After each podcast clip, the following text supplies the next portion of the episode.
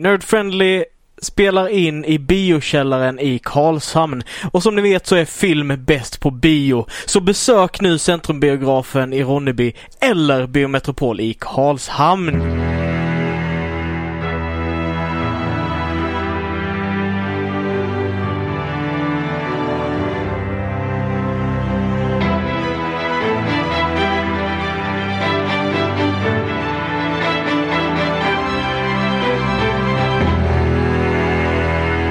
Hejsan allihopa och välkomna till dagens avsnitt av Nerd Friendly Podcast. Nerd friendly! Podden där vi snackar film, spel, tv-serier och musik. Allt annat möjligt nördigt smått och gott mellan himmel och jord. Jag heter Christian. Och jag heter Alexander Levin och vi börjar med att varna att vi kommer att spoila grejer för det är vad vi gör. Yes. Vi eh, snackar om allt vi kommer på. Och är det någonting som jag har sett som Christian inte har sett till exempel så eh, försöker vi att inte spoila de grejerna i alla fall. Precis. Det var nog vårt mest välorganiserade intro någonsin. Tror jag. Kan vara så, kan vara så. Kan vara så, kan vara så. Eh, ja, hur har du haft det nu sen... Eh, har du haft det bra? Sen förra veckan. Ja. Jo, men det har väl varit helt okej tycker jag ändå. Eh, jobbat och sletigt, du vet. Ja. Sådär en vanlig vecka. Du. Ehm, Fan vad gött. Så har du Ja. känt dig som ett, eh, som ett lik? Ja, ja, ja, ja. Alltså varje veckodag gör jag ju det. Mm. Jag, eh, jag, jag vet inte, det är som min kropp och min hjärna har bara bestämt, eh, bestämt sig för någonting och det är att om den måste stiga upp till en väckarklocka så tänker den inte sova överhuvudtaget. Och om den inte behöver sova efter en väckarklocka så ska jag sova hela tiden istället. eh, ja. ja, Det känns som du hade behövt eh, någon form av doktor. Eh, som kunde uppfinna en slags maskin. Som, eh, som kunde generera elektricitet. Så det blev som ett batteri. Så du hade liksom väldigt mycket energi. så, så att jag aldrig hade behövt sova egentligen. Ja, precis. Så att jag alltid är pigg. Yes. Mm, Ja men det låter som en ganska bra grej ändå. Och händelsevis lite utav, en liten del utav plotten till filmen som vi har sett denna veckan. Jajamän. Vi har nämligen kollat på Victor Frankenstein. Precis. Som är då en slags typ eh, ny version utav den klassiska Frankenstein. Ja, eh, precis. Eh, med skådespelare som eh, Daniel Radcliffe. Harry Potter, Yes. Och eh, han den andra snubben.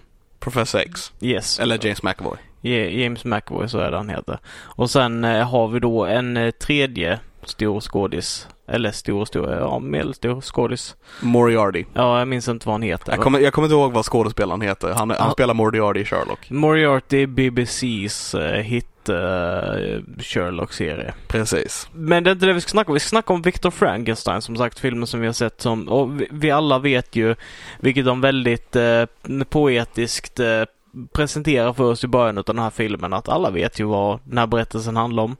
En galen eh, scientist som skapar en, ett, ett monster genom att eh, sy ihop kroppsdelar och eh, med elektricitet väcka den. Det, det handlar helt enkelt om att eh, en historia om en man som vill ta Guds plats.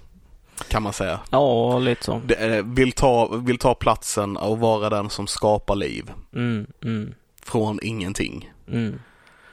För om man gör det på det traditionella sättet så gör man det från någonting I guess. Och det gör man ju här också i och med att man tar gamla kroppsdelar. Att skapa liv från död. Ja, Ja, inte liv från liv. nej. Nej. Exakt. Ehm, och ja, den, den, den följer de här gamla klassiska liksom eh, beatsen ganska, ganska bra eh, och stadigt. Förutom då en del som, som jag inte varit medveten om tidigare till exempel och det är Igors roll i den här. För Igor i denna filmen spelas ut av Daniel Radcliffe är en högintellektuell eh, fast inte utbildad individ som, som har varit, ja, jobbar på cirkus för att han har varit liksom malformed. Uppväxt på cirkus. Ja, nej, ja, precis. Den här filmen berättar ju Frankenstein-historien från eh, Igors perspektiv. Vilket är ett lite annorlunda sätt att göra det på. Eller ett sätt vi inte har sett tidigare i alla fall. Mm, mm. Ehm, den har lite andra, eh, nytänkande koncept kan man väl säga. Ja, vad tänker du då på? Jag tänker lite hur den är inspelad med att eh, den, den försökte vara mer modern Ja, eh, genom att eh, kanske för att, det är för att det är en gammal historia som alla vet om så försökte de liksom jag försöker liksom fräscha upp den med att ha moderna koncept som en freeze frame där det bara kommer upp text. Så lite, eh, Sherlock, Ja. Robert Downey Jones, Joe, jag kan inte prata idag. Ro- Robert Downey Jones, så heter han inte. Nej. Robert Downey Jr. stil Sherlock. Ja, liksom. Guy Ritchie. Guy Ritchies, ja precis. Li- lite så. Eh, och ja, alltså absolut den, den hade delar utav det där de försökte göra de här bitarna och det, det var sån stark kontrast till resten av filmen. så Ja, jag, verkligen. jag blev helt ställd varje gång någonting Det, sånt det tog hände. verkligen ut den ur filmen. Och Verkligen. jag är, ja, men som sagt det, det är basically, det är den klassiska historien med att eh, Frankenstein försöker liksom att, eh, att eh, skapa liv och han tar till sin hjälp Igor då. Och det, det är filmen. Ni som, ni som alla känner till den här historien, vi behöver inte förklara historien. Nej, nej. Skillnaderna här är ju att de har lagt in lite detaljer om varför han försöker skapa liv. Ehm, de har gett han en motståndare i form av en, en, en polis inom. Scotland Yard, I guess. Mm. Um, Moriarty. Ehm, och eh, liksom de, de försöker gå in på djupet av karaktärerna mer på, på ett sätt som vi inte sett tidigare tror jag. Mm, sam- samtidigt som de försöker pusha både den moraliska frågan gentemot liksom lidandet utav varelser och vad som är rätt och vad som är fel. Mm. Och samtidigt som de försöker hålla dialogen mellan vetenskap och religion. Yes. Eh, samtidigt som de ska försöka få ihop ett persondrama mellan olika karaktärer. Mm. Eh, och ja, Ja, det är nej. väldigt mycket. Det är väldigt mycket och det är väldigt spretigt. Eh, typ de försöker så här, eh, om man kollar då de försöker clasha vetenskap mot religion. Och då har vi, eh, inte huvudrollen, men huvudpersonen som vi får följa, inte Igor, jag tänker på Fra- Frankenstein, Ja, ja, som representerar vetenskap ja, och också galenskap. Och sen har vi antagonisten som är eh, liksom lugn och calculated, som representerar religion. mm. Eh, men samtidigt så är han antagonisten. Ja, eh, och det är ju för att hans, eh, hans, alltså, hans driv, eller det som gör liksom det som driver han, att han, han blir ju manisk, för, för att de är ju på något sätt båda maniska Ja. med deras, med deras liksom eh, mål.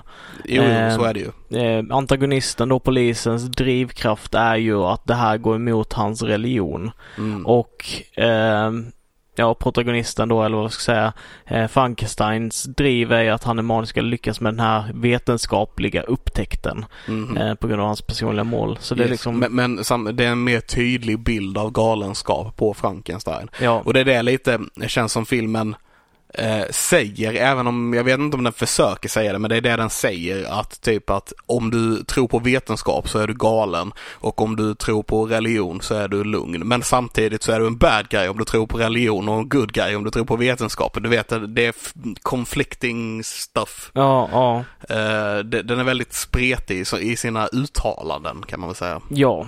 Eh, Ja, det tycker jag absolut. För i den ena sekunden så, alltså, och det, det är väl ett ganska bra sätt att göra det på att karaktärerna är polariserade men de är ändå relaterbara. Liksom, du har, I vissa situationer så fungerar de på ett sätt och vissa situationer fungerar de på något annat sätt. Men vi har liksom ingen eh, riktig koppling till någon utav dem förutom Igor som är den stadiga punkten genom hela filmen. Ja. Som, som eh, ja, som eh, är liksom den han är, han är typ en Gary Stu, alltså, ja nej kanske inte riktigt. Han, han, eh, han, är, han är godhjärtad, han är den som är liksom den moraliska eh, kompassen till Victor och eh, på något sätt försöker övertala honom till att, till att sluta med att göra de här experimenten och, och de här bitarna.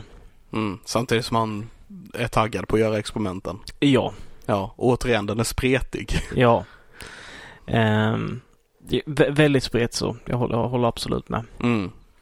Jag är väldigt förvirrad i vad jag tycker om den Jag här filmen. Alltså. Och jag vet att vi sa det direkt efter vi hade sett den, liksom att, att filmen är både, den är både bra och dålig. Ja. Eh, den har både grejer som är bra, både grejer som är dåliga och det är liksom, det är svårt att urskilja vad som är vad på något vis i den. För, för den, ja, för den vill ju vara både en actionfilm samtidigt som den vill vara en typ thrillerskräckfilm. Ja. Och de två genrerna i, i den här filmen eh, går inte ihop särskilt clashar. bra. De bråkar med varandra liksom. Mm. Ehm, och jag gillade jättemycket de här skräckthrillerbitarna. Det tyckte jag var mest intressant och den här liksom frågan om vad som är rätt och vad som är fel och liksom det här. Det, det, det var det som jag gillade mest och sen så kom de här bitarna utav dumt skräp som typ var, kändes som att det var intryck där för att eh, de inte trodde att det skulle vara tillräckligt intressant för att hålla kvar en tittare så det måste finnas Mm. actionbitar eller romantik eller vad det nu kan vara liksom som man tvingade in i den här filmen som den inte behövde. Nej, och jag vet, jag vet att jag kan tänka, jag kan komma på scener som inte behöver vara i filmen men som är där. Mm. Och ingenting emot Charles Dance nu, jag är ett fan.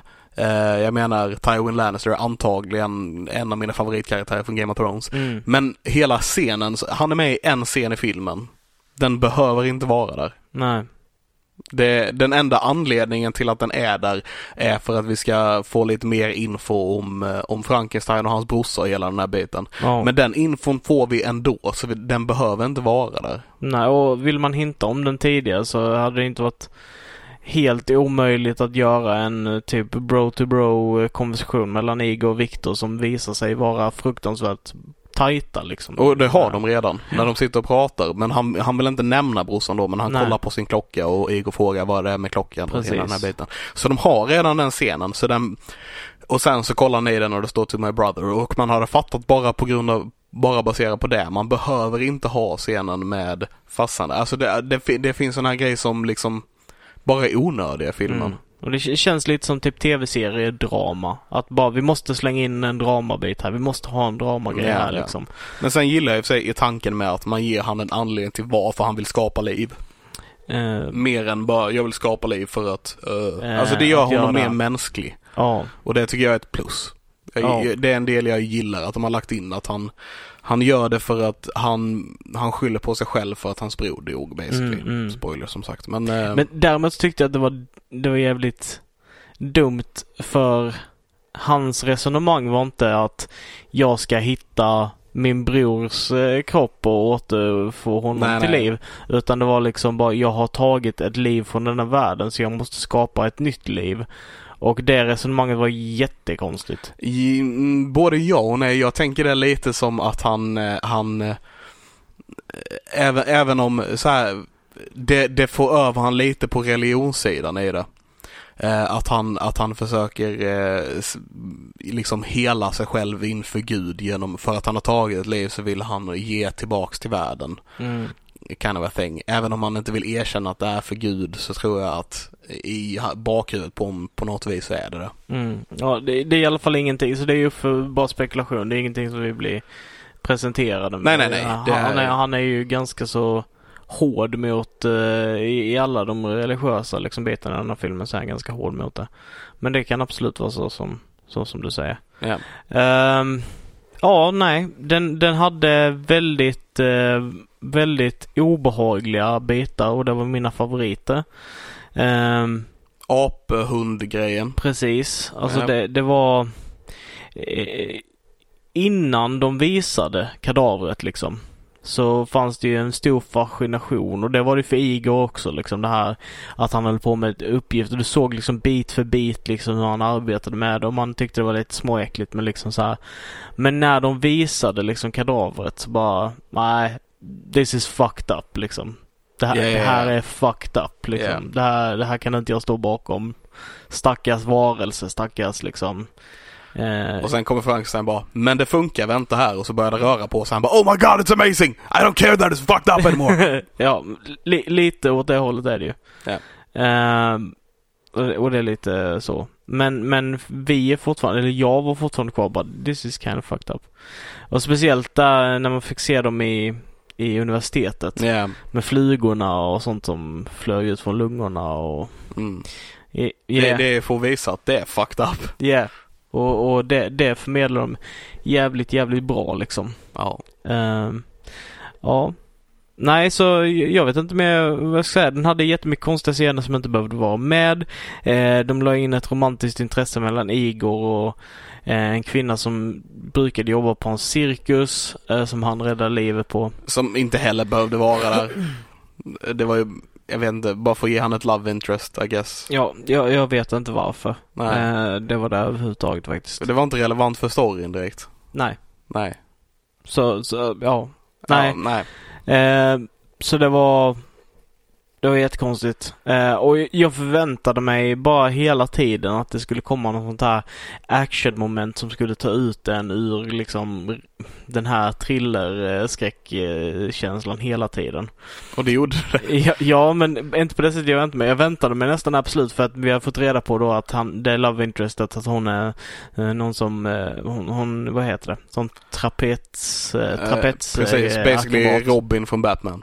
Ja, hon är trapetsakrobat och liksom att hon eh, hoppar omkring på sådana pinnar och är jätteduktig. Så jag väntade mig nästan att hon skulle komma slutet på en sån trapets och sparka till någon liksom så här som en Jag menar, det hade varit D6 mackorna. Det, det hade varit en typisk grej att göra faktiskt. Just Ja. de, de introducerar henne som en så här, en Ja. cirkusartist som svingar sig mellan, mellan repen. Jag vet fan Ja, inte vad och, det heter men. och sen så har hon inte haft någon större funktion i hela filmen Nej, nej. heller. Så det var också en sån sak liksom, ah här kommer hennes eh, moment liksom. Ja, men det gör det inte. Men det gör det inte. Nej. Så, så, Sen, sen får jag, samtidigt får jag säga att jag tycker de spelar bra. Jag tycker James McAvoy spelade maniskt sjukt bra. Han var, han, han var ju helt klart den bästa. Han, jag tror han sökte efter priser i den här filmen. Ja, och sen så var det ju synd att filmen kanske inte så här. Men, men, eh, Precis. men jag är lite så, han spelade det väldigt, väldigt bra. Mm, mm. Ehm, jag trodde ändå på hans karaktär liksom. Ja. Och det var ju liksom den här, eh, inte det här cold, eh, calculated, deliberate, liksom kinda mad scientisten utan det är verkligen den här hyperaktiva, maniska, liksom sjuka individen liksom. som- Ja, ja, ja.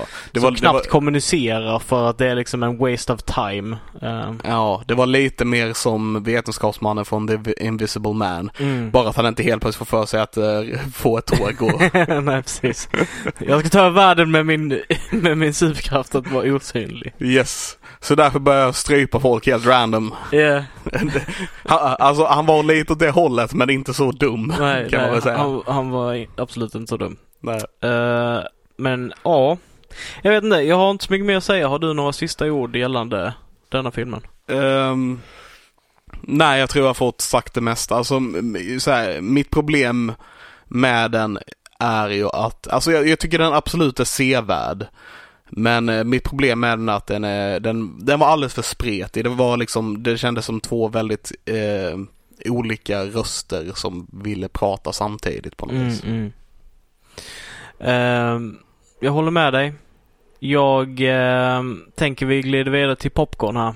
Ja, vi ska popcorna den. Ja, Ja. Ehm, och jag vill nog ge den en... Jag ger den en straight femma alltså. Nej, den får en fyra. Den får, den får fan en fyra. Uh, jag är trots allt besviken på den. Uh, lite grann. Mm. Jag är... Ehm, jag, mm, det är svårt att ge den här popcorn. För del, jag vill både ge den jag vill både ge den en, en sjua och en trea samtidigt på något vis. För vissa delar var inte värda mer än tre och vissa var inte värda mer än ett typ och sen så Mm. fanns det delar som var värda sju, åtta. Så det är jättes, jättesvårt att ge den här ett betyg bara. Mm. Så Ja, jag, Ja, Ja, nej jag tror jag kommer göra som du eh, funderade på lite i början, bara ge den straight up femma, för någonstans i mitten. Eh, jag vet faktiskt inte riktigt. Nej. Jag, jag eh, resonerade så lite där att ja, den är bra, men den är också dålig, liksom den är någonstans där i mitten. Men sen så tänker jag också att min, mina betyg handlar lite om bara hur, hur likely är jag att rekommendera den här filmen? Hur likely är jag att se om denna flera gånger? Liksom hur, hur väl bevarad kommer den vara så att jag kommer vilja se den igen liksom? Och den, den har ingenting, väldigt, väldigt lite i alla fall utav de här grejerna liksom. Uh, jag skulle kunna liksom sträcka mig och säga liksom gillar man typ den här formen av skräck så finns det element i den här filmen som absolut är värda att se men som helhet så är den, så är den ganska så dålig. Alltså... Ja, samtidigt tycker jag den är intressant eh, för att, jag, jag håller med, den, det är nog inte så att jag kommer kolla på den igen men den är intressant ur ett eh, filmskaparperspektiv om man jämför, för Frankenstein-filmer har ju gjorts liksom i alla tider. Mm. Så man skulle ta liksom och kolla på alla Frankenstein-filmerna som har gjorts och kolla på dem en efter en och liksom se hur, hur berättandet och tekniken har utvecklats så är den intressant liksom ur det perspektivet. Mm. Um, så bara få se hur skillnaden är och liksom hur man har gått från att uh, för första är väl typ att man får se Frankenstein utifrån, right? Eller tänker jag på det våras Frankenstein nu kanske? Ja, jag har inte sett de första um, så jag kan inte. Okej, okay, men uh, det är väl alltså att man får följa en snubbe som liksom är med om detta. Så man får se det liksom lite mer utifrån. Medans, uh, sen är det den som kom på 90-talet med jag vill säga att det är Kenneth Branagh men jag kanske har helt fel här. Jag kommer inte riktigt ihåg. Det var sjukt länge sedan. Um, där, som också är liksom annorlunda gjord och mer, mer eh, i stil med det årtiondet. Och sen den här då där man går mer eh, personligt också.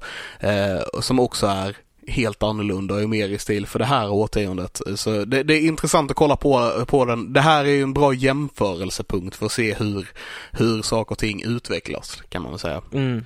För att det är samma film gjord på olika sätt. Jag tycker inte att det gör filmen bättre. Jag tycker bara typ ja, rekommendationen utav den kan vara annorlunda beroende på vem man snackar med typ. Ja, jo absolut. Um, så jag, jag håller mig fast vid min fyra Ja. Och du håller dig fast vid din femma? Sure, den får sin... Ja, alltså, jag, jag, jag kan absolut böja mig till en fyra. Det är inte det jag säger. Men... nej, nej, det menar inte jag heller. Du ska hålla Du ska, du ska ge din poäng som du vill ge. Ja. Alltså ska man split the difference, för jag sa typ en max åtta på vissa grejer. Mm. Och jag gick hela vägen ner till ett. Så då blir det ju en fyra om man tar i mitten I guess. Yeah. Egentligen. Det är fair enough. Yeah. Um, ja, så där har ni vår eh, lilla tankebubbla gällande Victor Frankenstein. Mm. Nu available på Disney Plus Star-avdelning. Yes. Uh, och jag, ty jag, tycker som sagt att man, man ska se den men man behöver inte kolla om den. Lite så. Yes. Mm. Um, ja, men då glider vi vidare till vad har vi nördat sen sist? Vad har vi nördat sen sist? Så vad har du nördat sen sist Christian? Uh, ja, fan, du behöver inte fira. uh, vad har jag nördat sen sist? Jag har spelat uh, Assassin's Creed Odyssey. Uh, det är inte det senaste Assassin's Creedet men det är liksom det näst senaste. Eh, du spelar en eh, karaktär som under eh, ja, forntida Grekland en, en född spartan men uppväxt eh, någonting annat. Eh, ska... Han en dålig häl? Nej. Nej, okej. Okay. Och det, du kan välja att vara kvinna och man. Jag valde att vara kvinna så jag, min karaktär heter Cassandra. Ah, förlåt. Så har, har hon en dålig häl menar jag? Nej. Eh, men man har en Spartan kick. Mm. Så du kan eh, sparka av folk från hustak och grejer så de flyger eh, This is uh, Sparta Ja, style. precis. Eh, så det har man och lite sådana grejer. Eh, mer eller mindre så är berättelsen att du har varit på din ö och du blir kontaktad av en individ. Så du har liksom varit lite av en mercenary och du blir kontaktad av en individ som säger att jag vill att du dödar The White Wolf of Sparta. Han är där borta, gå buss på honom och du får reda på att det är din pappa. Och så får du reda på och så får du reda på också då att i bakgrundsberättelsen så har hennes pappa offrat henne och hennes bror liksom till gudarna för det var vad en, en, ett orakel sa. Okej. Long time ago. Och egentligen så är, är, är pappan medlem i den här orden som alla Assassin's strider mot, eller? Mm, nej, det, det vet jag inte. Du, du träffar honom, han är jätteledsen och sen så valde jag att döda honom. Okej. Så han dog jättesnabbt. Alltså det är vä- väldigt lite koppling till typ Assassins-orden och Templar-orden än så länge kan jag säga. Ah, okej. okej. Jag har inte stött på någonting om det alls jag, jag, jag, jag har inte spelat det här spelet, jag har inte spelat några spel typ men jag misstänker att det kommer komma in för det känns Ja. som alla Assassin's Creed-spelen handlar Det, om det det. är ju vad de handlar om. Alltså, men det, det har varit mindre och mindre koppling till det. Du hade det, det första och andra, där det var väldigt mycket involverade med de här bitarna. Sen så har det bara- blivit mindre och mindre och mindre liksom över, över tiden. Ehm, så vi får se. Jag, jag springer kring och eh, gör open world saker, upp, upptäcker och, och tycker det är väldigt, väldigt roligt spel. Ja, vad bra, vad bra. Ehm, ja, vad har man mer gjort för någonting? Är det inte Odyssey som har, eh, det, anses inte det vara lite sämre än de andra typ eller är det något jag bara fått för mig kanske? Eh, det är nog någonting du har fått för dig. Mm, Okej. tror jag. Eh, de gjorde ju typ en reboot eller rebrand vid eh, Assassin's Creed Origins. Ja. För innan detta så har det bara varit typ straight up actionspel där du har liksom haft ett vapen och dödat folk och liksom alltså, beroende på vilket vapen du har så är det olika abilities och så här saker. Det har varit väldigt Det har blivit mer mystery efteråt, right? Eh, ja, det kan man väl säga. Lite, lite grann så. Men det har också blivit ganska mycket mer eh, RPG. Så de har tagit bort det här elementet. Du kan inte gå exakt vad du vill liksom för att fienden kommer vara för hög level och du kommer, de kommer döda liksom. Så den biten har försvunnit mycket medan de ersätter det med att du har stats på dina föremål, sånt som du hittar och ehm, så i den re- rebrandingen så var det ju väldigt många som tyckte att det var dåligt, till exempel Origin och sådär. Okej. Men eh, jag var en av dem jag tyckte det var jättetråkigt att de gjorde så. Mm. Men nu så tycker jag att det är väldigt uh, mycket roligare. Liksom spelet hade varit detsamma liksom alla, alla tider. Så. Mm. Sen tycker ju folk olika om alltihop med. Jag har hört folk som säger att Black Flag är det bästa spelet och jag har hört folk som säger att Black Flag är det sämsta spelet. Det, det beror ju ex, alltså till, eh, jag är nästan helt säker på att det är 100% bara för du gillar att köra båt eller inte. Ja, för att det är väldigt mycket båtande. För Black Flag är ju nästan bara åka med båt och eh, naval combat och och jag var inte ett jätte, jag tyckte det var ett jättekult koncept men jag var inte- ett jättefan. Så jag tröttnade ganska rejält på det spelet liksom. Mm, mm. Ehm, ja, ja. Men li- lite så. Uh, Assassin's Creed Valhalla är det som ut senast. Ehm, Har kollat jättemycket gameplay på det faktiskt. verkar intressant. Jag, eh, det ser in, sjukt intressant ut. Jag har kollat jättemycket gameplay på det. Mm. Av någon anledning. Mm. Jag hamnade i sånt groove där. Jag kollade både Baldur's Gate 3 eh, gameplay och, eh, och eh, även då Assassin's Creed Valhalla. Mm, mm. Ehm, nej men så det har jag spelat väldigt mycket av. Eh, jag noterade också på, då på Disney Plus den här Star-avdelningen att Futurama finns där.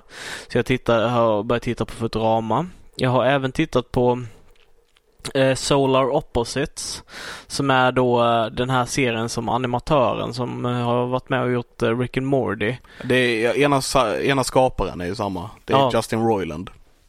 Ja, och det är samma, eh, är det han som animerar. Ja, det är han som ritar karaktärerna men det är inte han som animerar det. Nej, nej precis. Ja. Eh, Men han har gjort karaktärsdesignen för den också. Det är liksom precis samma eh, stil typ.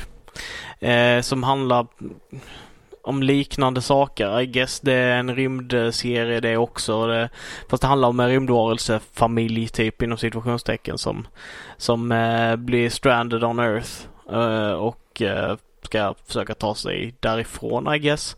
Eh, deras rymdskepp fungerar inte utan står på taket och så ska de försöka hantera då att de är rymdvarelser och bor bland människor och försöka anpassa sig till människorna och är arga på att alla människorna typ mm, Ja, en Fish out of water story. ja, typ så.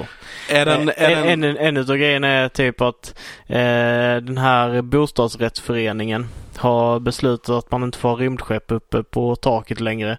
om man inte typ färgar de sakerna som sticker ut som samma färg som fönsterblecken är. Eh, Okej, Så det, det är jättedumt. Det är jättedumt. Det är liksom såhär bara Who does this apply to? Så bara everyone. Eh, Bara, men det är bara de som har ett rymdskepp på taket av huset. Yes. Yeah. Ja. Så ja, den är ganska dum. Ja. Hur är den i jämförelse med Rick and Morty? Ehm, ganska tråkig. Eller så här, den, den är inte alls lika intressant tycker inte jag. Ehm, Och jag vill inte vara sån men jag tror att skillnaden här är Dan Harmon. ja, det kan För, vara för så. att han är inte med på Solar Opposites men han är med på Rick and Morty. Mm. Ja, nej det, det ligger nog jättemycket i det du säger. Den Ja. här, den här, alltså Rick and Morty kändes mer som att den hade ett, ett, ett purpose. Liksom en, en väg. Liksom en, någonstans en slags röd tråd. Den Mm. var på väg någonstans. Den här känns liksom mer utav en typ eh, Simpsons kinda bara varje avsnitt är Ja, ja, en, ja. en, en ny grej liksom. Yes. Ehm, så lite så känns det. Mm. Men jag, som sagt, jag, jag köper att den är annorlunda trots att eh, det är samma skapare, eller åtminstone en av dem då. Mm. Just för att det, det, jag har alltid känt lite så att det känns som Justin Roiland är den här liksom med the big idea, men Dan Harmon är the storyteller. Mm. Och att de mm. behöver varandra för ett vinnande koncept på något vis. Ja, nej, men det, det känns rimligt. Det känns rimligt. Ehm, ja, vad mer? What else? What else?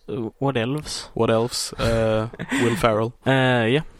Eh, kollade på eh, också du- på en rekommendation av dig från kollade på en sk- skräckkomedi som heter Fright Night som också finns på Disney+. Plus. Roligt. Colin Farrell spelar en vampyr och eh, de ska försöka besegra vampyren. Lite så här småchill, rolig skräckfilm. Eh, kan rekommendera att titta på om man inte har något annat att göra. Har man något annat att göra så kan man göra det istället. Men, eh, men den var helt okej. Eh, ja, nej jag tror jag, tror jag håller mig där vi... eh, nej, jag kan säga det också. Jag, jag har kollat på uh, Scary Games Squad när de spelar Little Nightmares 2 då som har kommit ut. Mm. Ehm, som är väldigt spännande, väldigt intressant. Så där håller jag mig. Så Levin, vad, vad har du nördat sen sist? Yes, okej, så vi sparar MCU-hörnan till efter. Vi kan, vi kan spara MCU här. Ska vi göra en eget, ett eget intro till MCU-hörnan också? Oh, det orkar jag inte. Eh, kanske. Vi kan, vi kan ha det... MCU-hörna. Ja, det, det var jättedumt det Det var skämtet. jättedumt. Ja, kanske. Vi, vi, vi, vi får se. Vi ser, vi ser var vi landar i det. Mm. Ehm, eh, ja, nej, men som du har nämnt mm, ett flertal gånger här så har ju Disney Plus släppt den här Star-funktionen nu då. Mm, mm. Som är vuxenavdelningen på Disney Plus och eh, för er som inte vet det så kan jag säga direkt att man behöver gå in på sitt eh, konto och ändra inställningarna för att få tillgång till allt de har. Eh, jag tror att man startar på 14 års gräns. Jag tror det är det som Disney Plus är inställd på från början. Så man kan få gå in på sitt konto och ändra till 18 plus för att få tillgång till allt de, allt de släpper där. För mig så kom det upp som en pop-up när jag gick in på appen. Men det Yes. kanske inte händer för alla. Nej, jag har sett många som har kommenterat att uh, bara, ja men vad är Deadpool 2 typ och sådana här saker och eh, inte hängt med på att man behöver gå in och liksom ställa in det. Men så ni hörde det här, kanske inte först men ni hörde det här. Ja. Ehm, yes, så jag har med spenderat en del tid på Star, Mm. eller på Disney Plus Star. Och eh, jag såg ju Fright Night då som du nämnde tidigare. Mm.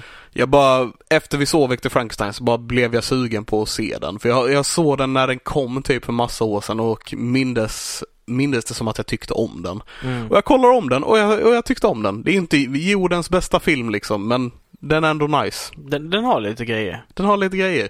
Och det är ändå, det är ändå stora skådespelare som är med i den och det är man inte beredd på på något vis för den här filmen. Nej. Så Det känns som en så här lite lågbudget skräckkomedi men det har Colin Farrell och det har ehm, Anton Yelchin och det har David Tennant och du vet Mm. så här. Ehm, och jag, jag gillar, Även han, vad heter han, Franco?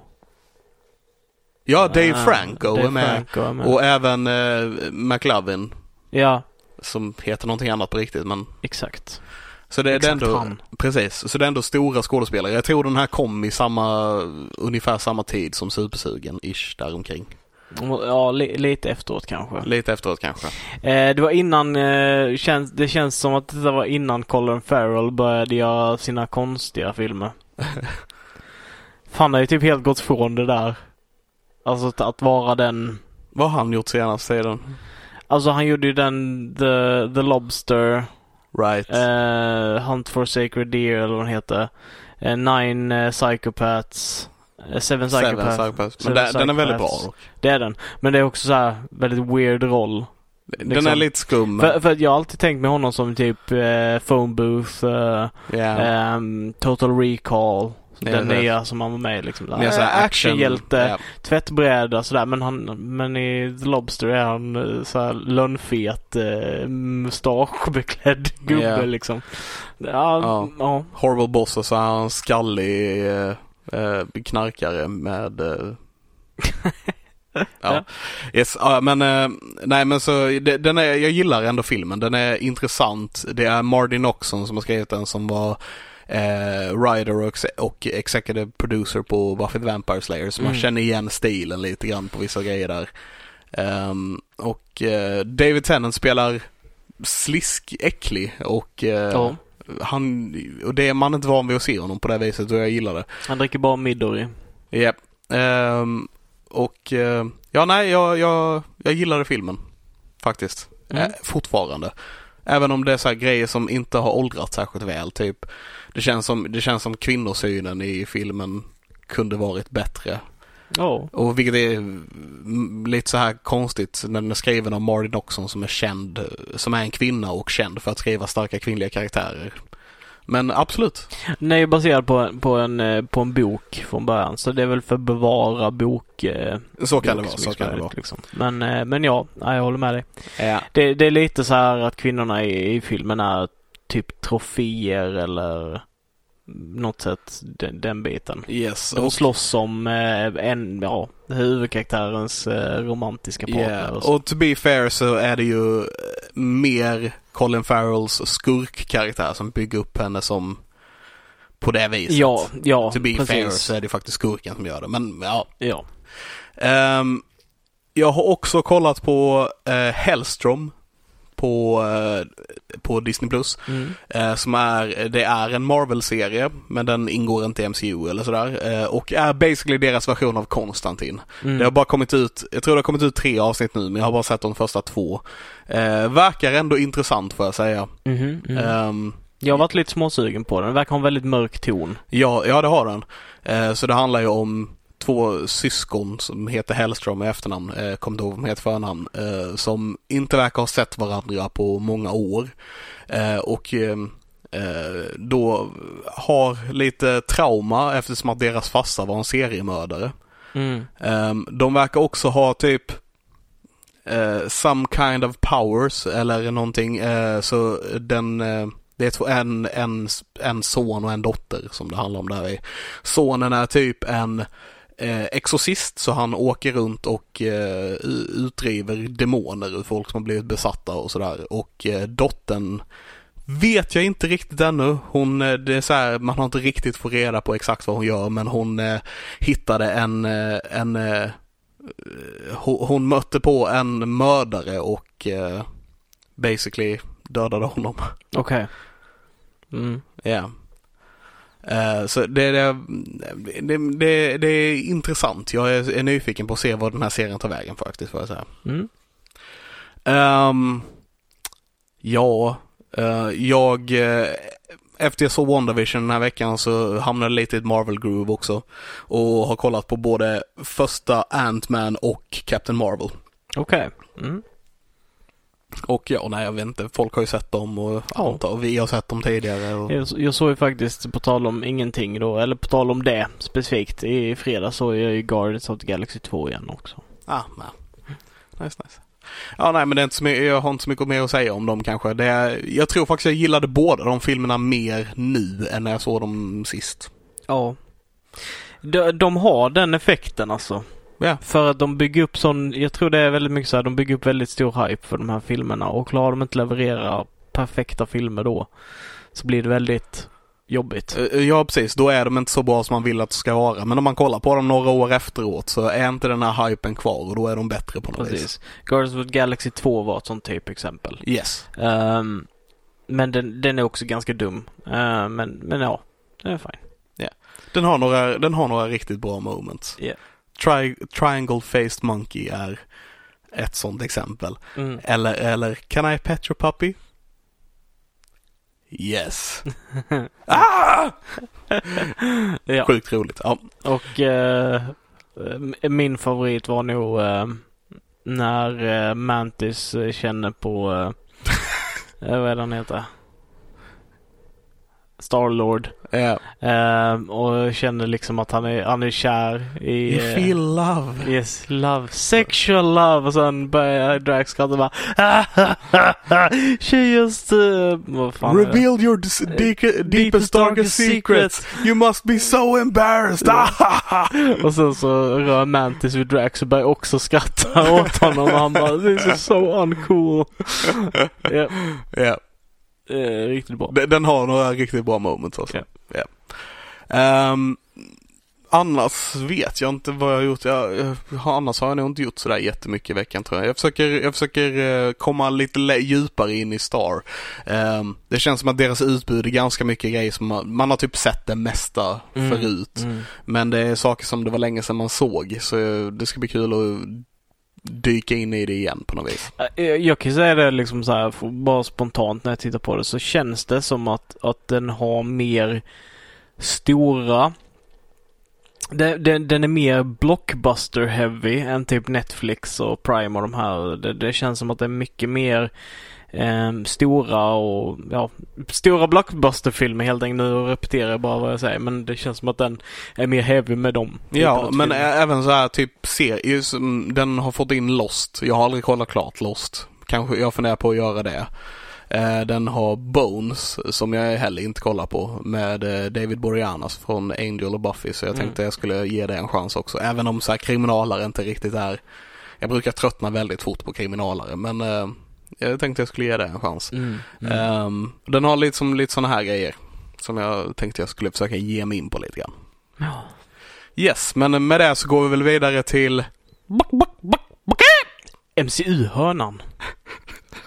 Ja, det, det är en placeholder känner jag. Det är en placeholder.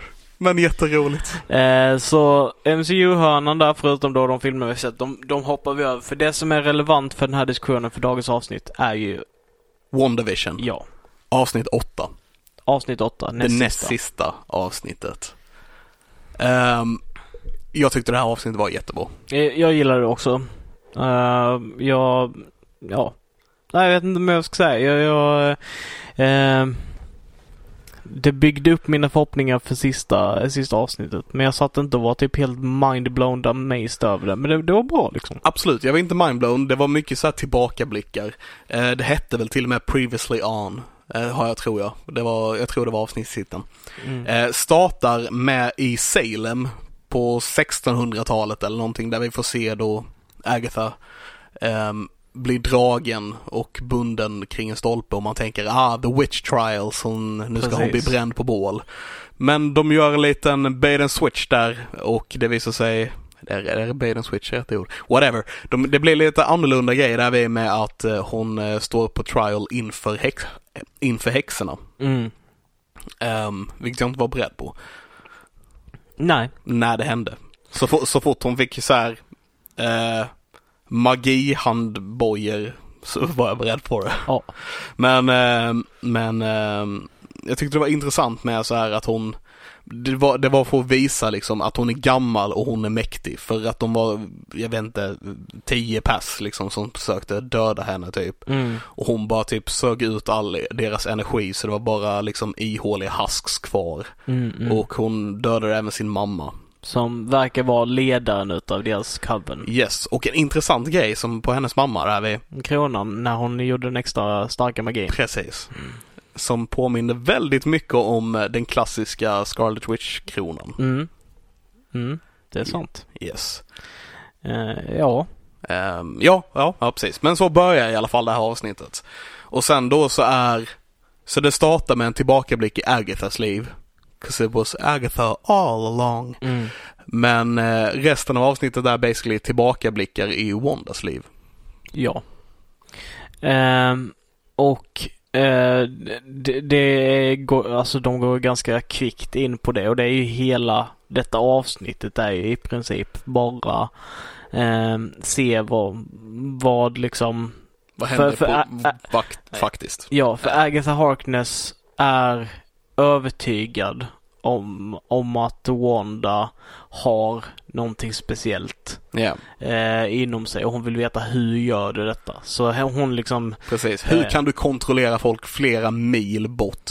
Det är Mm. magi på autopilot tror jag det hon säger. precis för att hon, hon har då liksom, hon, hon demonstrerar hennes magi. Eh, Och hon förklarar att hon har fått träna i flera år bara för att kunna göra liksom minsta grejen. mm, Och, för, och, sen, och hon verkar typ avundsjuk och nyfiken på hur Wanda kan göra detta liksom utan träning. Hon kan inte ens the basics men ändå kan hon göra det här all these amazing things som Mm. hon inte kan. precis. Eh, så först så följer vi med eh, in i en värld där Wanda är eh, liten och hennes pappa kommer hem från, från jobb. Han har inte lyckats sälja de här filmerna som han, han ska sälja. Han verkar vara filmförsäljare. Precis. Eh, och utanför så får vi se inbördeskriget eller då kriget eh, regna på gatorna liksom medan de försöker att koppla bort det medan de Mm, ja, tittar precis. på Dick Van Dyke. Ja, använder, använder de här gamla amerikanska sitcomen som en, som en distraction eh, från, från vad som händer utanför. Mm, mm. Utanför Ja. hexagonen så att säga. Ja. Eh, Eh, så de tittar på den här eh, och mitt under då intro till det här avsnittet så, så eh, är det en explosion som händer och eh, Pietro och Wanda hamnar under en säng och gömmer sig. Och vi ser då den här missilen från Stark Industries landa i lägenheten framför ögonen på dem. yes, och här ser vi ju en väldigt intressant grej Mm. som tyder på att Wanda har haft de här, alltså hon hade, hon verkade ha krafter redan från början. Ja, Och det är ju någonting vi inte fått se innan. Dels för att de inte fick göra det på grund av rättigheter då, men här, det känns lite som att här visar de att mutanter har kanske varit en grej hela tiden. mm, mm. Men, eh, men samtidigt tror jag att Agatha nämner någonting om att eh, du, du föddes med de här krafterna men de hade växt bort med tiden eller någonting Ja, sånt. precis. Hon, hon säger, ja hon säger någonting i den. Någonting åt det Ja, hållet. ja. Ehm, för i nästa minne då som vi får så ser vi ju att, hon, att, att det kanske är då The Mindstone som förstärker de här krafterna. ja ehm, det, det, det, är ju, det är ju precis. Vi, får se, vi får inte se henne, eh, vi får inga klara bevis på att hon faktiskt stänger av missilen. Vi får starka Nej, nej. implikationer på att det är det som Precis. händer. Allt vi får se egentligen är att hon sträcker sig fram mot den. Och att den inte smäller efter det. Ja, Men vi får aldrig se någonting faktiskt hända. nej. Eh, och i nästa, eh, då som du sa, så är vi inne i den här eh, Strucker eh. Hydra, Ja. ja, precis. Eh, och eh, de, de förklarar ominously att alla som har eh, genomgått det experimentet har dött.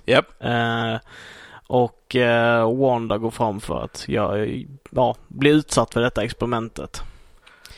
Och istället då så Eventuellt, om hon nu föddes med sina krafter, så förstärks de av The Mindstone istället för Yes. att hon dör.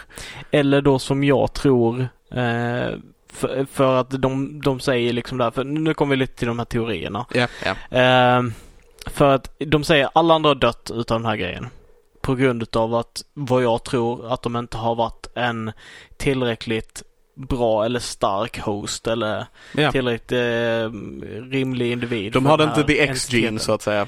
Ty- typ så ja. Kind of a thing. Ja. Det var det min tanke var. Eh, och The Scarlet Witch då som i komiken är Wanda liksom så här. Mhm. Eh, The Scarlet Witch, vi får se siluetten utav den entiteten, den dräkten som hon har i komiken liksom komma ner mot Wanda och liksom gå in i henne. Ja. Så att den gula energin blir en del utav henne. En del utav, eh, så hon får energi från The Mind, Mindstone. Ja. Eh, och jag tänker att för, för de pratar senare om det här med Chaos Magic och de pratar om Scarlet Witch i slutet utav den här episoden. Och jag är ju av en sta stark belief att det är någonting i stil med att det är någon stark häxa genom liksom long, way back som har liksom varit i kontakt med Mindstone, blivit insugen i den och nu har hon kommit Oh. tillbaka liksom. Det är ju faktiskt Ehm. superintressant. Att det kanske är så här att någon var trapped i the Mindstone. Att, att the Mindstone i och för sig den skapades när universum skapades. Det är Mm. då alla stenarna skapades. Men eh, att, eh, att the Mindstone har the mind of the Scarlet Witch. Ja, jag, jag, jag tänker liksom att det, det är bara så helt enkelt att någon gång i historien så har The Scarlet Witch existerat på någon värld och hon har försökt få tag i The Mindstone och någonting har gått fel när hon rörde vid det så hon har liksom Mm. fastnat i The Stone och nu så kommer hon tillbaka in i, i Wanda. Och liksom det är det som är lite hennes två olika dialekter för vi, de poängterar också i detta avsnitt att Väldigt många gånger. ja, hon hoppar mellan dialekter. Yes. Och att den ena dialekten är den som The Scarlet Witch har mer kontroll över. Eller den, den delen av hennes personlighet som är mest influerad av den varelsen liksom. Ehm, och det är det som jag, jag är lite osäker på. Hur manifesterar de två entiteterna med varandra? Är det Wanda?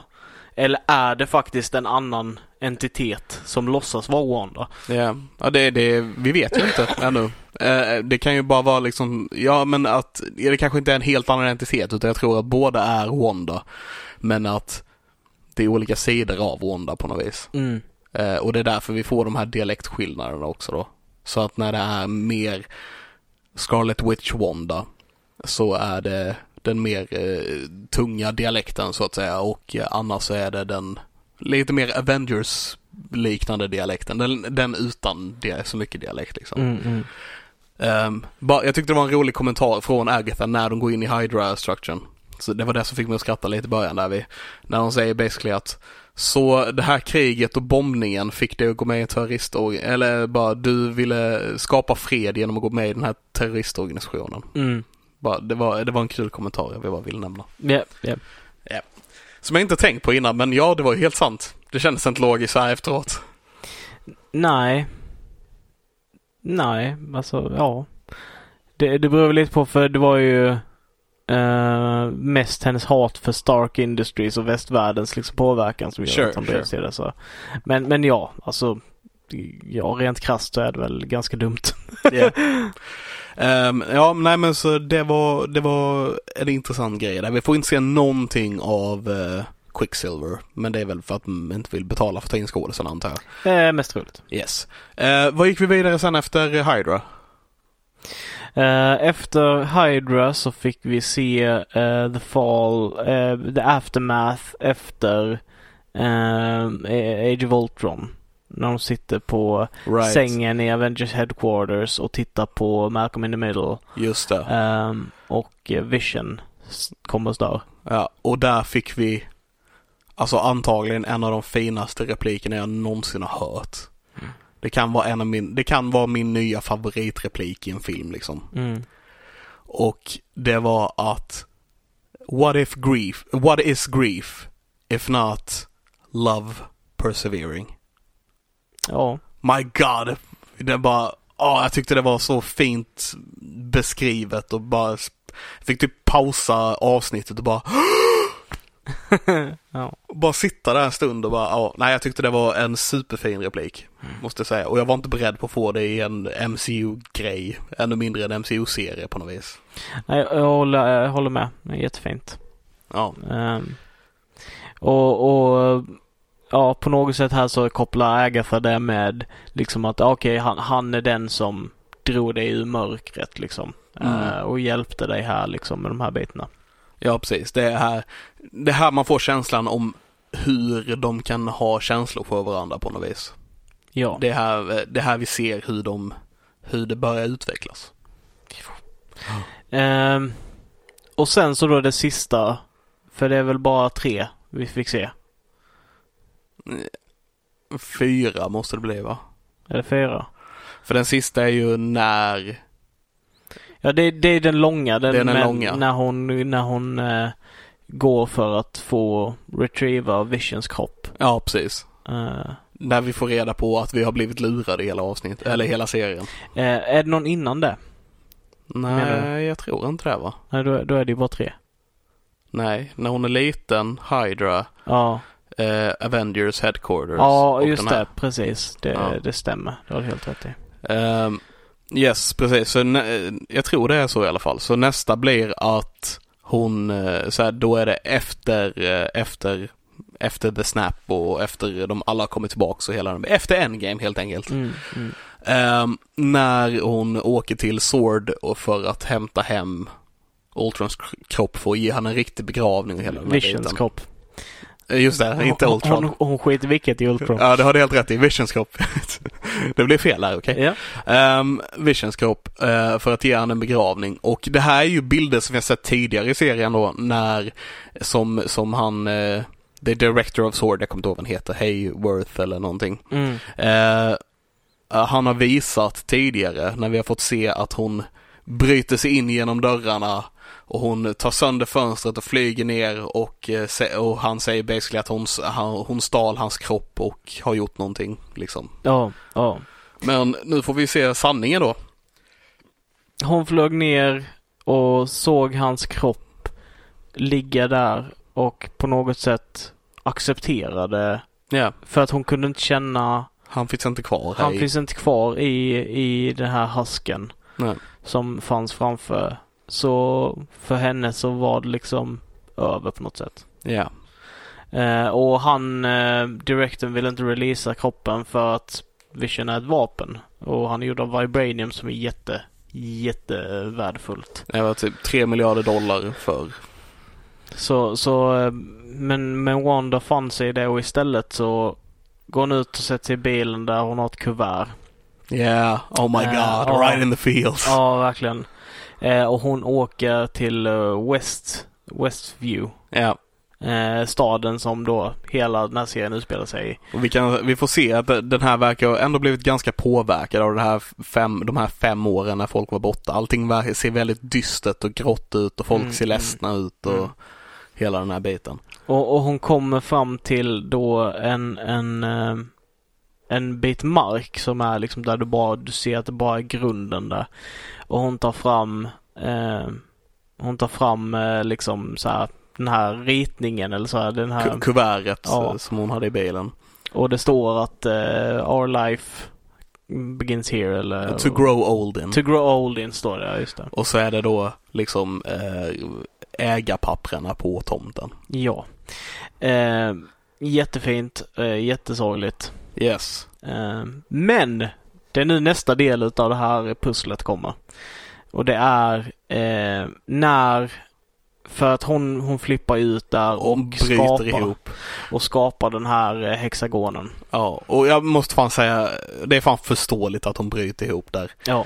Och nu råkar det bara vara så att hon tydligen har The Scarlet Witch Entity Mindstone fuckery i sig. Yeah. Eh, som då eh, gör att hon basically ska, in, kanske inte medvetet utan bara på grund av att hon bryter ihop. Mm. Det ser nästan ut som att en- det, hon bestämmer inte det själv utan det är någonting som bara händer från hennes kropp kind of a thing. Ja, hon typ exploderar ut liksom ur den här energin liksom. Ja, Eh, och huset skapas runt omkring henne och så vidare. Men det intressanta här är att energin som skapar, för att hon skapar är ju vision.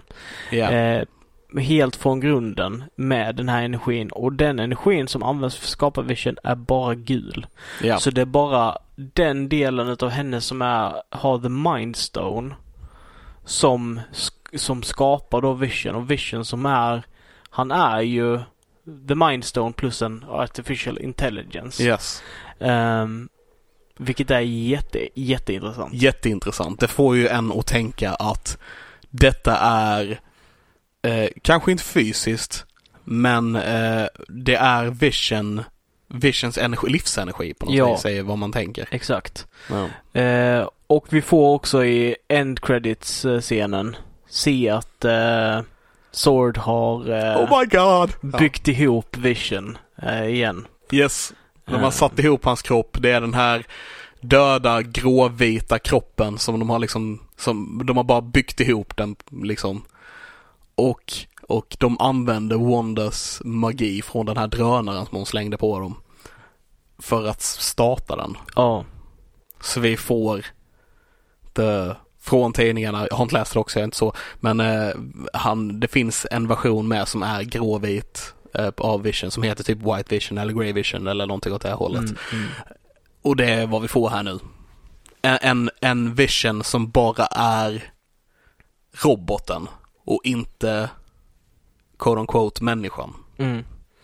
Ehm, och jag, jag började direkt eh, göra kopplingar och vi diskuterade ju detta lite så här. Du, du har en eh, annan teori. Eh, Mm, Jag, tror att två saker är att det kommer bli antingen, en antingen eller kind of a thing här. Ja, eh, för jag tyckte det kändes ganska så eh, ty- alltså att det de ville att vi skulle eh, få med oss här eh, eller det som de vill bygga upp för kände jag var att de vill att på något sätt att kroppen, den fysiska kroppen av Vision kommer merga med den här Mindstone-delen för att återskapa Vision. Yes. Eh, och det, det, det bara känns som att det är typ det goda slutet i detta. Men Precis. vi vet inte ifall Vision kommer finnas kvar i MCU. Och det är lite det som är... Yes, så, så precis, jag håller med. Det känns som att det är det, det är det slutet som de vill att vi ska tro åtminstone. Ja, Eh, och som känns som det goda slutet som hade varit ett, ett gott slut.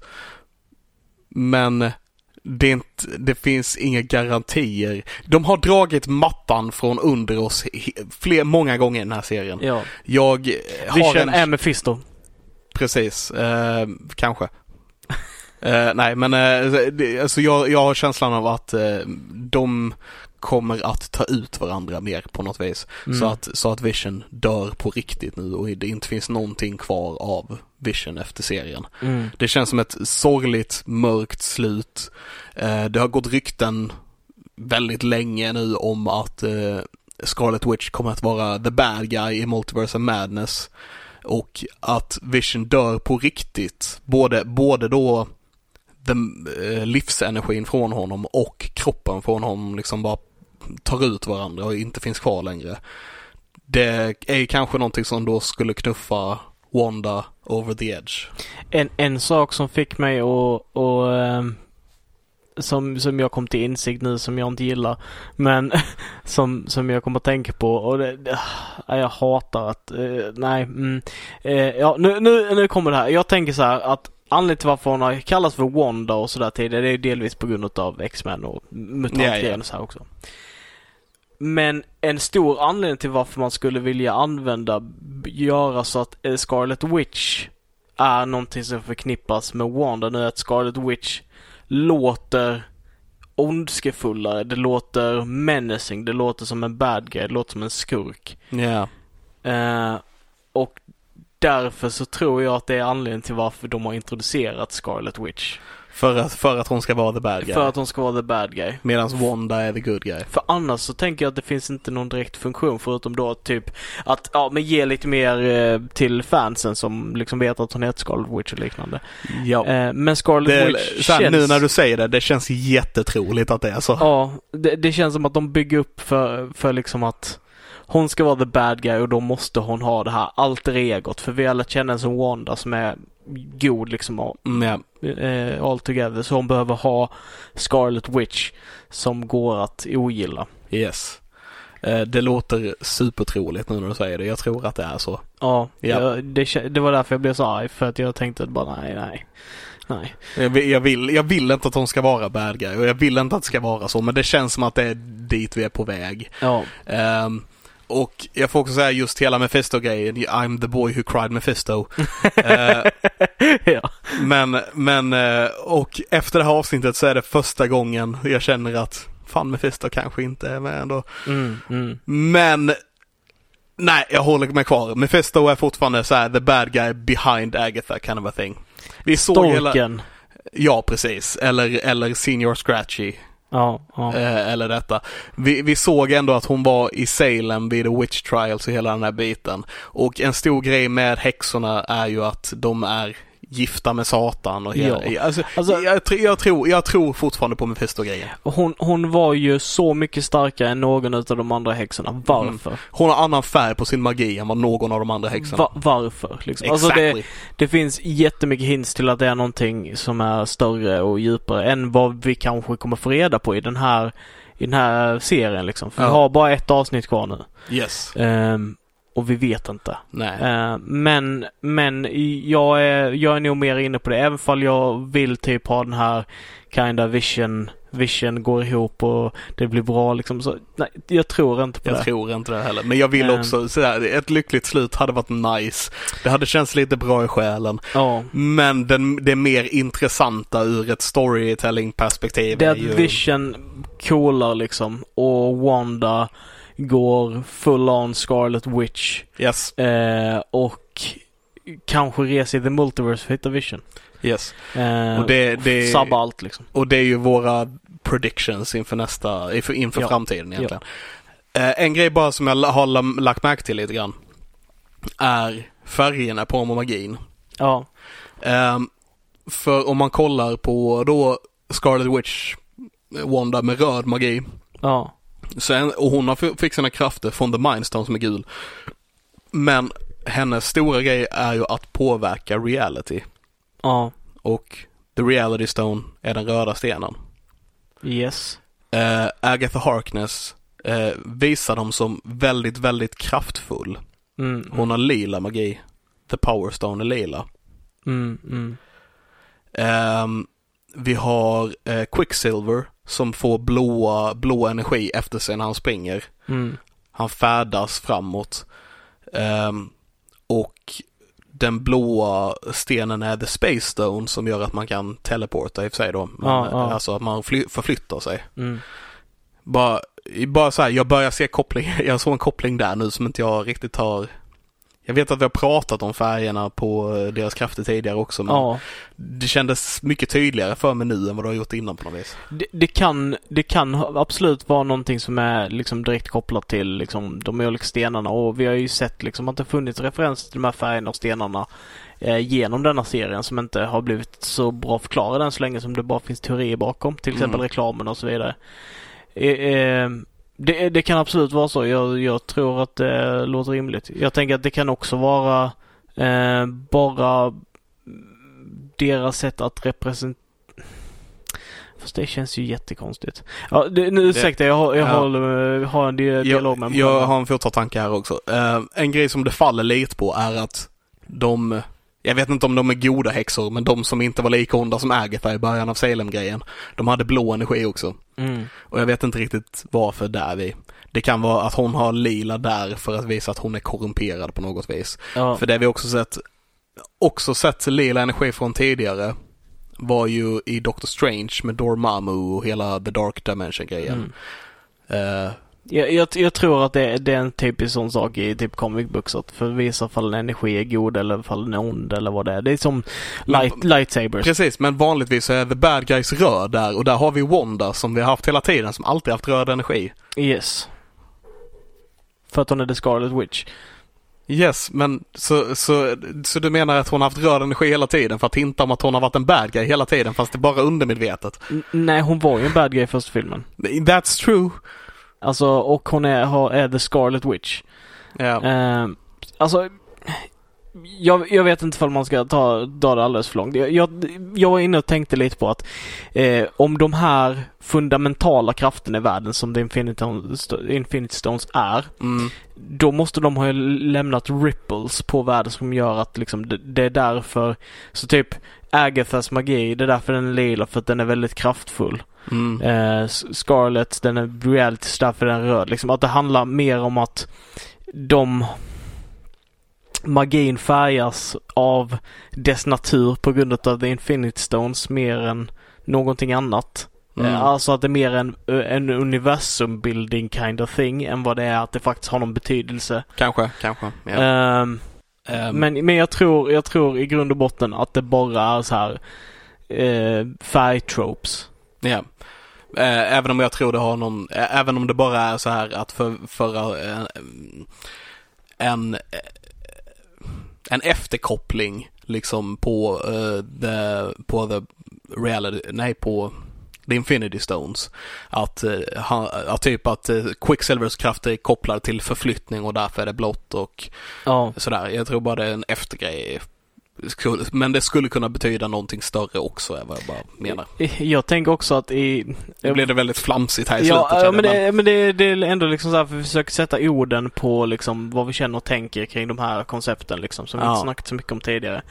Och det tycker jag är väldigt intressant för att alltså färg har ju väldigt stor betydelse i liksom film och serie och liksom vad, det, vad det innebär. Och blå är ju typ alltså förknippat med rörelse. Mm. Alltså kolla liksom Ja men all, allt från eh, Star Trek, alltså när de åker genom space då är det liksom blå, blått liksom, blåa streck, de åker genom blått Även liksom i så här. Stargate och grejer. Ja eh, exakt, det blåa liksom det är på något sätt eh, representativt för detta genom media liksom, vad vi har varit med om tidigare och sådär.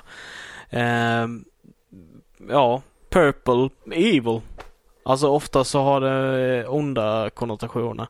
Eh, typ poisonous gas och liknande kan vara lila och Sure, sådär. sure. Eh, Samuel L. Jacksons lightsaber. Ja, men det var ju för att han tyckte det var coolt, han ville ha det. Ja, jag vet. Eh, och det klassiska liksom blått är gott och rött är ont liksom. yes. De här bitarna. Och grönt är natur. Mm. Eh, Ja, precis, precis. Medan grönt är time här. det är det. Som är en naturlig grej kanske i och för sig. Ja. Fast det Infinity Stone säger, i och med att de skapades samtidigt som universum skapades, är väl att all, alla de här grejerna är naturliga i och för sig. Ja, ja, ja så, så, så är det ju. Ja. Men jag bara försöker tänka på vad, vad de symboliserar ofta i typ medium och, och liksom sådana saker. Och, och fall det är direkt kopplat till, till vad detta är. Alltså så här. Jag tänker att lila ofta, ofta är en bad guy color. ja, det kanske det är. Ehm, det kanske inte stämmer men jag, jag, försöker så tror... här komma på exempel, men är lite... Skeletor! Right, okej, yeah, sure, yeah. Han är lila. Ehm, det är också för att det är en mörkare The färg. Joker. Joker, lila och grönt. Ja. Ehm, ja. Men det finns säkert jättemånga exempel där det är, där det är gott liksom så. Men, men ja. Ja, ja, men det är intressant att tänka på. Ändå, tycker jag. Jag tycker med det. Yes. Eh, ja, det var fördjupning i färger gällande olika magier av eh, MCU-hörnan här. Eh, ja, jag, jag har inte så mycket mer att säga. Jag är taggad på nästa avsnitt. Jag också. Jag är sjukt taggad på nästa avsnitt och sen så eh, taggar jag på, de har någon aftershow de kommer släppa efter WandaVision som jag har fattat det. Och sen så drar vi igång med eh, Falcon och Winter Soldier. Mm, mm. Så jag, jag, är, jag är taggad på, jag är taggad på dem allihopa nu. Ehm, jag, Jag med efter denna. Ja. Jag var inte taggad innan, sen såg jag denna och jag blir taggad på allihopa nu. yes. Ja, Jag är fortfarande så här, jag såg trailern till Falcon Winter Soldier och det är nog den jag är minst taggad på. Men Mm. den kanske kan bli bra också. Ehm, så nej, men vi, vi får fortsätta med MCU-hörnan nästa vecka helt enkelt. Det gör och vi. eh, så går vi vidare till nödnyheter.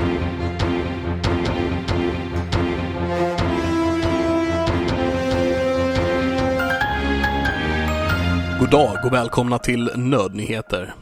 Ehm, jag har mestadels filmnyheter, eh, film och serienyheter den här eh, veckan. Mm. Eh, men jag tänker börja med en som jag tyckte var en liten kul grej som är varken eller.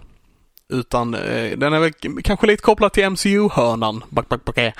Eh, men och det är att en tävling med 250 000 dollar i vinst har utlösts. Utlösts? Har, är det rätt ord? Utlyst. Ut, utlysts är eh, rätt ord. Det blev, jag tyckte det lät konstigt när jag sa det. Mm. Eh, 250 000 dollar i utlösning. har utlysts. Eh, vinsten eh, kommer gå till personen eller personerna, lite osäkert om de kommer dela ut det till fler personer eller bara en, eh, som kan bevisa att de har superkrafter. Okej. It's a real thing. Okej. Yes. Ja. Jag tyckte det var en liten rolig grej. En, en väldigt rolig grej. Eh, Undrar om någon kommer vinna de här pengarna. det, jag tror inte det. Nej. Om jag nu ska vara tråkig. Men- Jag, men världen kommer ju bli lite mer magisk om det är någon som vinner de pengarna. Yes. Och sen är frågan, var, var räknar man som superkrafter? Var går gränsen och hela den här biten? Ja. Vi hade, Stan Lee hade ju en, en eh, tv-serie för mm, några år sedan där han eh, åkte runt och träffade folk med, det var typ en liten eh, dokumentär reality där han träffade folk som kunde göra amazing stuff. Mm. Jag vet inte om du känner igen det. Det hette typ Stan Lees eh, Superhumans eller något. Nej, jag har inte sett det. Ehm, så jag, en jag kom ihåg var typ en snubbe som eh, kunde käka glödlampor. Eh, och det var lite sån här, alltså han träffade liksom folk som kunde göra lite märkliga grejer och det var inga problem för dem. Mm. Som, hel, som på något vis genom evolutionen kunde göra liksom vissa saker. Jag vet ju, alltså, om, det beror på hur man ser det, men det finns ju, det var ju, jag tror det var på Outsiders eller något sånt här eh, spektakulärt fall eller någonting på TV3 eller TV5 eller vad det var. Mm. Ehm, som hade kunnat räknas som en superhjältekraft för det, är- det är superkraften som Kickas har. Eh, och det är att hans uh, smärtreceptörer liksom är, de är, funkar inte. Ja, Så han, så han kunde inte känna smärta så han hade brutit benen och gått omkring på benen liksom. För, för att hans kropp inte sa till honom att det gjorde ont. nej precis. Ehm, och det skulle man ju kunna argumentera är en superkraft. Ja, mean, ja, ja nej, precis. Det är lite där. Var går gränsen för det liksom? mm, mm. Eh, men ja, nej. Eh, så om eh, du kan bevisa att du har superkrafter så kan du vinna 250 000 dollar. Det låter ju inte illa. Nej. Du Jag kommer förmodligen eh, bli eh, experimenterad på för resten av ditt liv. Yes. Men, Jag, har, eh, jag har ju en grej som är en visuell grej förresten. Men man skulle kunna klassa det som en superkraft. Och eh, det är jättehemskt att dra, det här, dra den här superkraften i podden. För det är som sagt en visuell grej så ni kommer inte se det nu. Men ni får avgöra om det är en superkraft baserat på Christians reaktion här tänker jag. Okej, är du redo? jag är är redo. beredd? Jag är redo. Jag, jag tittar. Okej. Nej, nej, nej. Okej. Jag kan, jag kan med den. Jag har med den superkraften. Alright, okej. Ehm, ja. Han lät väldigt un- underwhelmed. Ja. Nej, nej, jag önskar att ni där hemma kunde se vad det var han gjorde för någonting. Det var, det var någonting som alla kan göra. det är inte sant. Alla kan inte göra det. Jo, Nej, jo, jag är ganska säker på att alla kan göra det. jag har sett folk som inte kan det. Ja, okej då. Okej, så, Så nej, jag skulle inte säga att du vinner Nej. 250 000 dollar på det. så mitt, eh, mitt, eh, min superkraft var helt enkelt att jag kunde göra den här grejen när man sätter två händerna över varandra och sen har fingrarna som sticker ner och så kan man wiggla på båda fingrarna som sticker upp. Ja. Yes, alright. Um, ja, men det, så det var den. Um, går vi vidare till eh, lite film och seriegrejer helt enkelt. Ehm, vi får, det kommer komma en ny Konstantin, Konstantin-film som är producerad av Mm. JJ Abrams. Mm. Vi fick ju höra för ett litet tag sedan att JJ Abrams kommer att eh, eventuellt ta över DC-universumet lite grann nu så att han, han, nu börjar han få hjulen att rulla så att säga. Och han skulle väl göra Justice League Dark om jag inte helt fel, om jag inte minns helt fel. Okej. Eh, och han verkar även då nu producera en ny Konstantin-film. Det kommer vara nya skådespelare och eh, sådär verkar det som. Mm, mm. Ehm, och jag är ett fan av Konstantin så jag hoppas på att det här är någonting som kommer bli bra. JJ Abrams är ju inte känd för att göra bra slut eh, så, det, så det är positivt att han får börja istället. Ja. För det tycker jag han brukar göra ganska bra ändå. Mm. Kolla på Lost, det började väldigt bra. Eh, Force Awakens, eh, du vet de här grejerna. Ja. Så det, det, ja, vi hoppas på att det blir bra. Mm. Eh, och den andra grejen här, eh, när vi ändå är inne på det, är att JJ Abrams också kommer att producera en ny Superman-film. Okej. Eh, det är lite osäkert om Henry Cavill kommer vara fortsätta som Superman eller om det blir som en reboot av DC-universumet här. Mm, mm. Vi får se lite vad som händer men eh, det, han, eh, som sagt jag har för mig, kan ha fel här, där ska ni ta för ord för ord, men att JJ Abrams ska göra en Justice League Dark. ehm, det hade varit skitkul för jag hade velat ha en Justice League Dark. Ehm, men eh, nu då så ska han åtminstone göra en Konstantin och en Superman. Vad innebär Justice League Dark? Det är basically eh, Justice League, en annan Justice League som tar hand om magiska prylar istället för eh, liksom typ slåss mot Big Bads. Okej. Så då har de ehm, att de slåss mot eh, monster och häxor och grejer och det är en mörkare version av det så att säga. Eh, mer skräckig kan man väl säga. Okej. Mm. Som då där de som ingår, ingår, i Just League, ingår i Justice League Dark är typ Konstantin. Jag vet att Batman har varit med. Ehm, det är även han eh, som jag inte kommer ihåg, kommer ihåg vad han heter nu som är typ ett, spö, ett spöke, en zombie kind of a thing. Och han snubben som kan bli en demon när han säger något visst ord. Okej. Jag kommer inte ihåg vad karaktären heter nu men eh, var länge sedan jag hade koll. Ehm, men eh, de, de, har gjort, de har gjort tecknade versioner av det och sådär. Det är därför jag har lite koll på det. För det är de jag har sett. En riktig korvfest då. Nej nej, eh, de, Satana är ju också en till exempel. Mm. Hon är ju, hon är en kvinna. Mm. Eh, det var bara, det var de första namnen som dö, Dök upp. ja, fast utan namnen då. Det var de första karaktärerna som dök upp i huvudet på. Mm. Första korvarna. I guess. Ehm, yes, eh, nästa är att District 10 är tydligen på väg. De håller på att skriva den just nu. Mhm. En fortsättning på District 9 då såklart. Ja, han, han, han har väl inte fått några pengar sen District 9, eller sen... eh, han, han har fått slut på credibility efter District 9 nu efter alla filmer han har misslyckats med. Vilka har han med gjort? Han gjorde den med Matt Damon efteråt. Mm, Elysium, uh, Chappie. Och, eh, ja var han, var det han som gjorde Chappie också? ja. Eh, Jag gillade Chappie. ja, Okej, men den gjorde väl inte bra?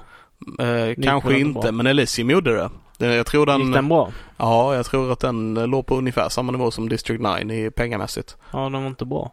Den var inte lika bra. Eh, Jag, jag tyckte den var okej. mm, Jag gillade Chappie dock. ja, Men ja, ja. inte jättebra. Det, det valet att bara ha in The Antword som uh, skådespelare. Det var ju dock... är så vedervärdigt. Ja, det var inte bra. Men jag gillade Chappie som Chappie. Eh, ja. Ja. Det makes sense att det var han nu så här efteråt. Samma skådisar och så vidare. Mm. Eh, yes, men så det är en District 10 är, han håller på att skriva den just nu. Så det är nästa nyhet. Ehm, och eh, sen så kommer jag avsluta det med lite MCU-nyhet eller uppdateringar kan man väl säga snarare. Mm. Och det är då att vi har fått ett release date på Loki-serien. Mhm. Den kommer den 11 juni. Så jag skulle tro att det är lite efter Falcon and Winter Soldier har avslutat så kommer de släppa Loki-serien helt enkelt. Eh, så en kväll i juni, när sommaren är som bäst, så kommer Loki. Precis, eh, när han dansar med sin morfar Ja, som är då han eh, Bor, right? ja, ja precis. Nej det, nej, det är hans farfar, det var inget. Och inte hans riktiga, han är adopterad. Nah, som, men han gillar honom allra bäst i alla fall. Ja, precis. Eh, Eh, och hans eh, läppar var, var som smultron. hans hår var blekt av solen. Hans mun var smultron och röd. ja, Ja, han var ljuvlig liksom en lilja. Och hans ungdom var som glöd, I guess. I Ja, guess. Fortsätt nu innan det flippar totalt. Eh, yes, och den sista är då att uh, Spiderman-titeln. Jag måste ta upp det här för vi, vi fick sådana jävla luringar på Ja. den här grejen. Så under en kväll med typ en timmes mellanrum så släppte först Tom Holland en Spiderman-titel, sen tror jag det var Zendaya som släppte en annan Spiderman-titel och sen han som spelar Ned, som jag inte kommer ihåg vad han heter just nu, Mm. som släppte en tredje Spiderman-titel och man bara What the fuck? När, så när Tom Holland släppte sin, jag skrev till dig bara okej så här är nya titeln. Mm. Och jag tänkte att den här titeln är inte jag supertaggad på. Nej, vad, vad var det? Eh, jag ska ta upp de här. Homes Sphere eller någonting? Jag, jag ska ta upp eh, de eh, titlarna. Eh, så vi fick eh, Home Slice tror jag det var Tom Holland eh, skickade ut va? Mm. Nej, Phone Home. Phone Home var det ja. Phone Home var Stämmer. Tom Hollands. Och sen så var det, jag kommer inte, vet inte riktigt vilka de andra, men de andra som kom här var sen då Spiderman Home Slice och eh, Spiderman Home Wrecker. Och alla de här bara Okej, så det här, eh, den här nya titeln I guess. Eh, den var väl inte superbra men okej. Ehm, Och eh, sen då så fick man reda på lite senare bara, eller så fort de släppte nästa titel som inte var den första liksom, så tänkte man okej, okay, så det här är bara ett skämt Mm. på att eh, Tom Holland spoilar allting. Mm. Det var väl han som eh, spoilade, han spoilade väl förra titeln på den förra filmen om jag inte minns helt fel. Jo, det kanske. Jag, Ja. jag vet faktiskt inte. Han bara, jag är så taggad på att läsa ner manuset, typ håller han upp det så står titeln på Kanske var fake, jag vet inte. Men jag för mig det var någon sån grej. Ja. Eh, nej men så, som sagt, så de släppte lite fake-titlar och grejer. Och sen då, om det var någon dag senare eller ett par dagar senare eller någonting så här, så släppte de också en video. Eh, jag vet inte om du har sett den? Nej, det har jag inte. Nej, där de, eh, i den här videon släpper de den riktiga titeln på, eh, eh, på den nya Spiderman-filmen. Och det är att vi får se Tom Holland gå ut från eh, regissörens typ kontor. Mm. Där och, och sen och möta upp eh, Ned och Zendaya då och så, så här pratar de under tiden och går igenom så här en kontorsbyggnad som är som är pyntad med typ eh, halloween-pyntning. Hänger dödskallar och grejer från taket och det hänger eh, snöflingor. Det verkar vara lite blandat vad det är pyntat i, men lite allt möjligt så här. Mm, mm. Och sen så, och så kameran följer dem och sen så går de ut ur byggnaden men kameran stannar kvar i kontoret och börjar zooma in på en whiteboard. Där det står hur mycket namnförslag som helst som typ är utkryssade med kommentarer att nej, det här eh, titeln är dålig. Hur fan tänkte vi med den här titeln?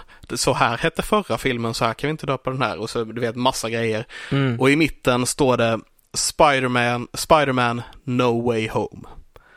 Så det, det är den riktiga titeln till den Okej. Ja, nya så, filmen. så med det så kan vi gissa. Vi vet ju redan att det är multiverse, men då är det Tom Hollands Peter Parker som kommer åka ut i multiverse. Än mer troligt än att de kommer till honom. Eh, känns lite som det. Om inte, det, om inte titeln refererar till att han är outad nu, liksom. Ja, och att det, han inte kan ta sig hem på grund av det. det är ju inte omöjligt det heller. Nej, för jag tror det var någon av de här exemplen som stod på whiteboarden tror jag eh, hintade till liksom ett multiverse och de hade sagt bara nej det här är dumt eller någonting sånt. Okej. Mm. Eh, jag är inte helt säker men det var något åt det hållet. Ja, Ja.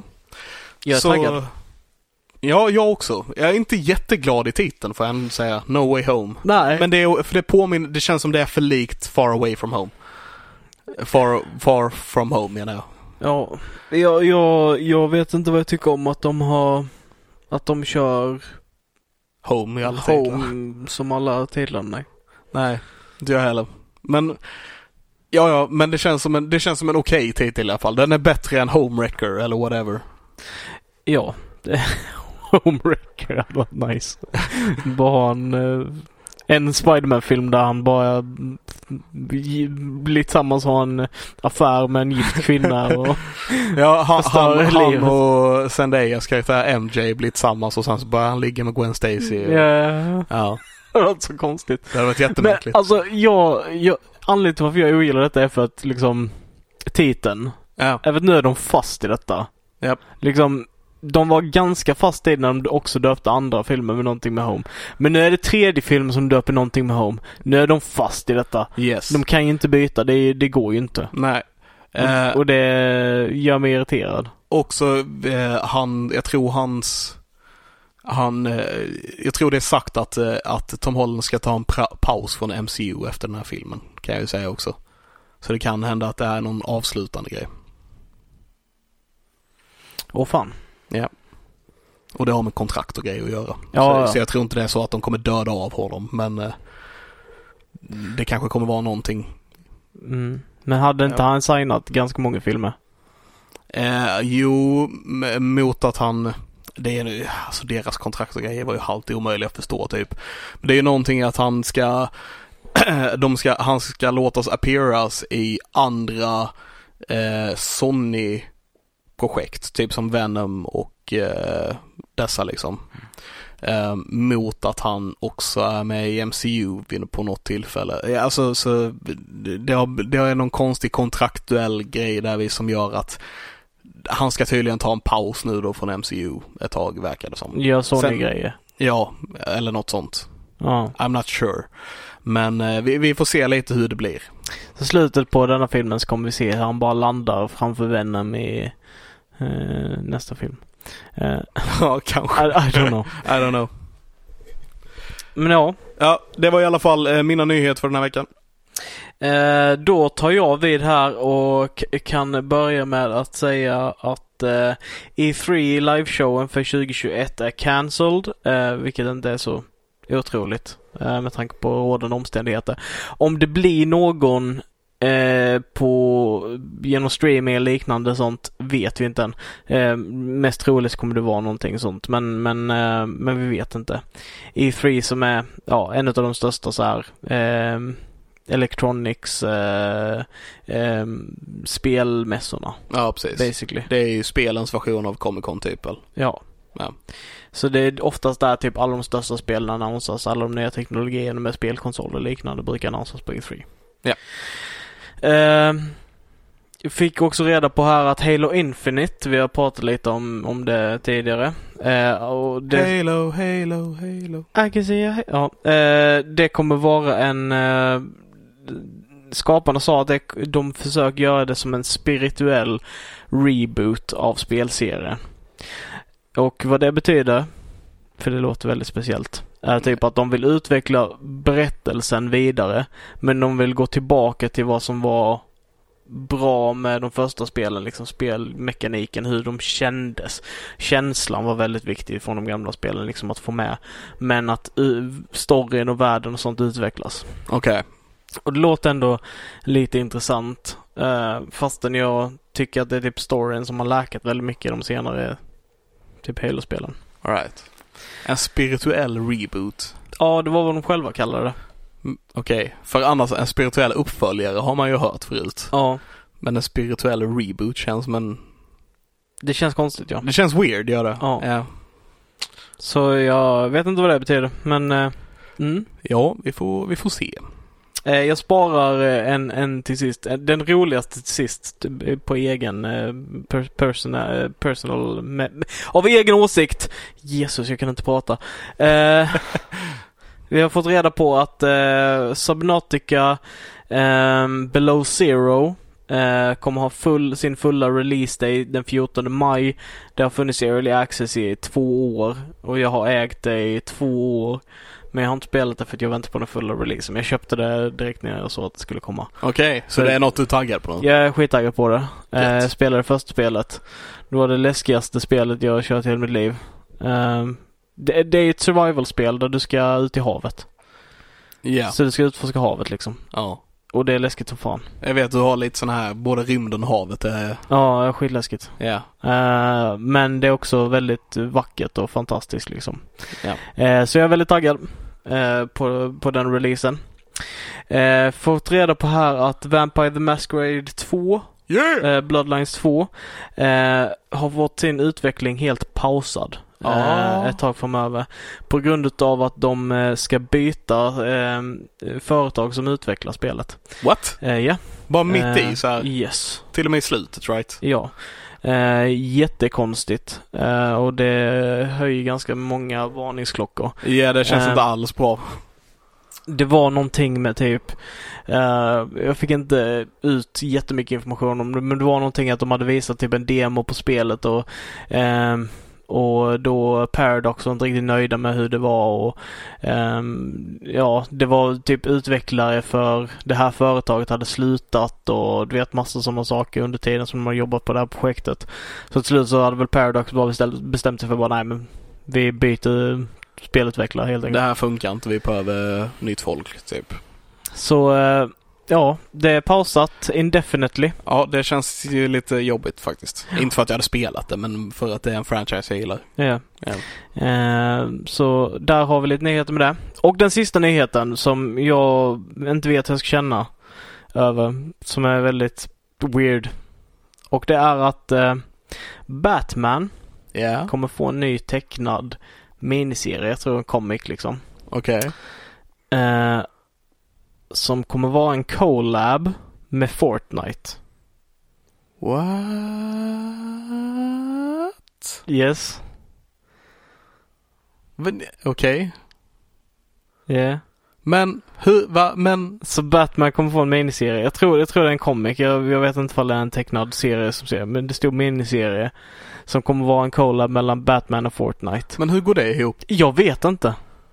Batman har ju funnits i eh, Fortnite som skin och sådär ett tag. Okej. Ehm, så nu ska de göra så att Batman är i Fortnite och gör saker. Ah, Jag har ingen aning. Men det, det låter sjukt. Jag, jag, jag får inte ihop det. nej, inte jag heller. Men eh, där har vi det. Jag gissar på att det är någon sån här DC bara okej. nu får vi in alla ungar. Fortnite är populärt, nu kör vi. Ja, lite så. Skit i vad vår karaktär står för. Eh, nej, jag, jag, jag har ingen aning vad mer jag ska säga. Jag, bara det liksom. Det, Ja, det var ja. det med den nyheten. Vi, vi avslutar med en förvirring där med andra. Ja, det var den roligaste nyheten utav dem. Men det är också den konstigaste. Eller så, jag vet inte vad jag ska känna över den. Nej, jag vet, jag vet inte vad det innebär, känner Nej. jag. Eh, så där eh, lämnar vi idag med förvirring och eh, förhoppningsvis eh, en stor skopa glädje. Vi, ja precis. Vi har ändå gått igenom ganska mycket. Vi har gått igenom Victor Frankenstein. Vi har, vad har vi nördat sen sist? Vi har pratat WandaVision i vår MCU-hörna. Och eh, vi har tagit upp nördnyheter. Vi har gått igenom hela programmet här idag. Ja, Och eh, jag tycker vi ska känna oss nöjda över det. tycker jag med. Tack för att du var med oss hela vägen till slutet. Eh, hjälp oss och dela med det, det, detta avsnitt till en polare om ni tyckte det var nice. Så att vi kan, eh, så att vi kan bli ännu större och göra coola saker framöver. Yes. Eh, vi har fantastiska WandaVision-teorier. Eh, som jag menar snart är outdated I guess. Men eh, eh, dela dem vidare och, och så hörs vi nästa gång. Puss på gumpen. Ha det gott! Hej. Hej.